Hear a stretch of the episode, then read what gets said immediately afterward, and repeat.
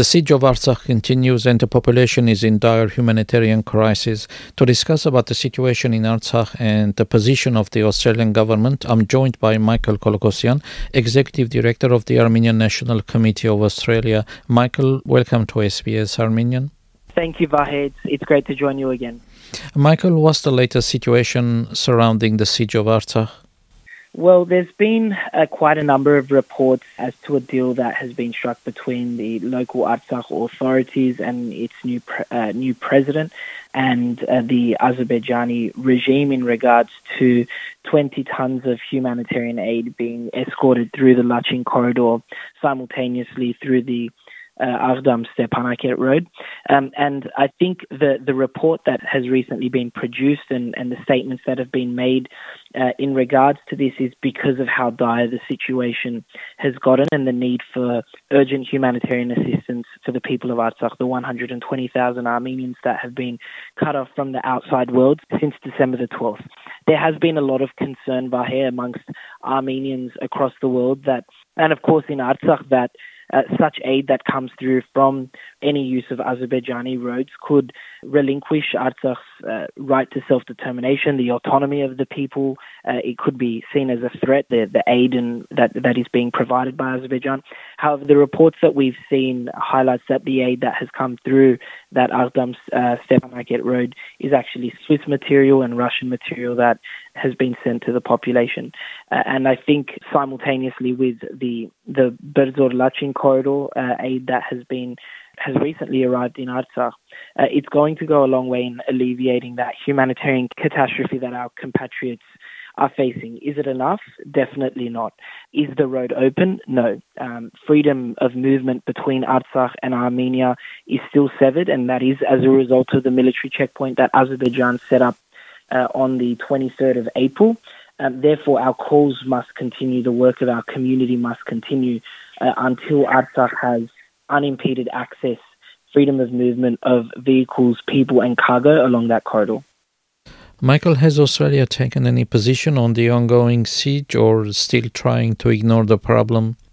Well, Vahe, it's been over nine months now, and, and the Armenian National Committee of Australia has been pushing this issue with both the Foreign Minister's Office, the Department of Foreign Affairs and Trade, and also members of Parliament. We've regularly been in Canberra providing regular briefings and updates on the developing situation. In mid August, we received reports that the Australian government's position had changed. Uh, the Australian government was supporting the provisional measures ordered by the International Court of Justice on the 22nd of February, which was also reaffirmed on the 6th of July, calling for Azerbaijan to take all measures at its disposal to ensure unimpeded movement of persons, vehicle, and cargo along that corridor. So that's definitely a significant shift in what the Australian government's original position was, which was uh, calling on both sides to uh, go back to the negotiating table as per you know previously reached agreements. Now we've got an Australian government that is supporting the International Court of Justice, uh, and that has been sent to us and communicated to the Armenian National Committee of Australia, in addition to the Australian civil society organisations like the Australian Christian Lobby, the Assyrian Community, Christian Faith and Freedom, the National Council of Churches Australia, and others who have all written to to the foreign minister, and they also shared uh, that shift in the Australian government's position. Um, however, on the 5th of September, both Graeme Meehan, Australia's ambassador to Russia, who is also accredited to Armenia, and Australia's ambassador to Turkey, who's accredited to Azerbaijan, uh, publicly via X, which is a social media platform formerly known as Twitter, publicly uh, called for the Lachin corridor to be reopened. As part of that call, they also uh, called for the parties to enable the delivery of humanitarian supply via all routes, which, as I mentioned previously, is a little bit uh, concerning, particularly because it threatens the security, safety, and freedom of the people of Artsakh. So we're working with the Department of Foreign Affairs and Trade to understand why that call is there, particularly when the, the November 9 trilateral agreement that was signed didn't actually stipulate or didn't have any preconditions for the road, the Lachin corridor, to remain open. We've had regular ongoing meetings with the Department of Foreign Affairs and Trade. We we recently met with them last week and we facilitated that meeting with ICC former prosecutor Ocampo, who joined us and provided his briefing to the Department of Foreign Affairs and Trade.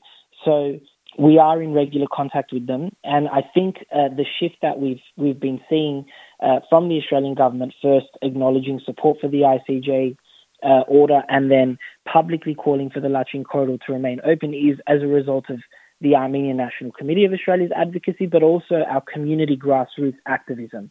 Uh, recently, we had the Sydney Armenian Australian community, over 400 members, uh, protesting uh, around the 275th day of the blockade, and just before Artsakh celebrated its independence, calling for the Australian government to do more. And we're slowly seeing that it's definitely not enough for our community, and we need to be demanding more from those elected officials, the Department of Foreign Affairs and Trade, and the Foreign Minister to ensure that the people of Artsakh live a free life. Michael, thank you for your time in the interview. We'll talk again soon. Thank you very much, Vahe. Thank you. Our guest was Michael Kolokossian, Executive Director of the Armenian National Committee of Australia.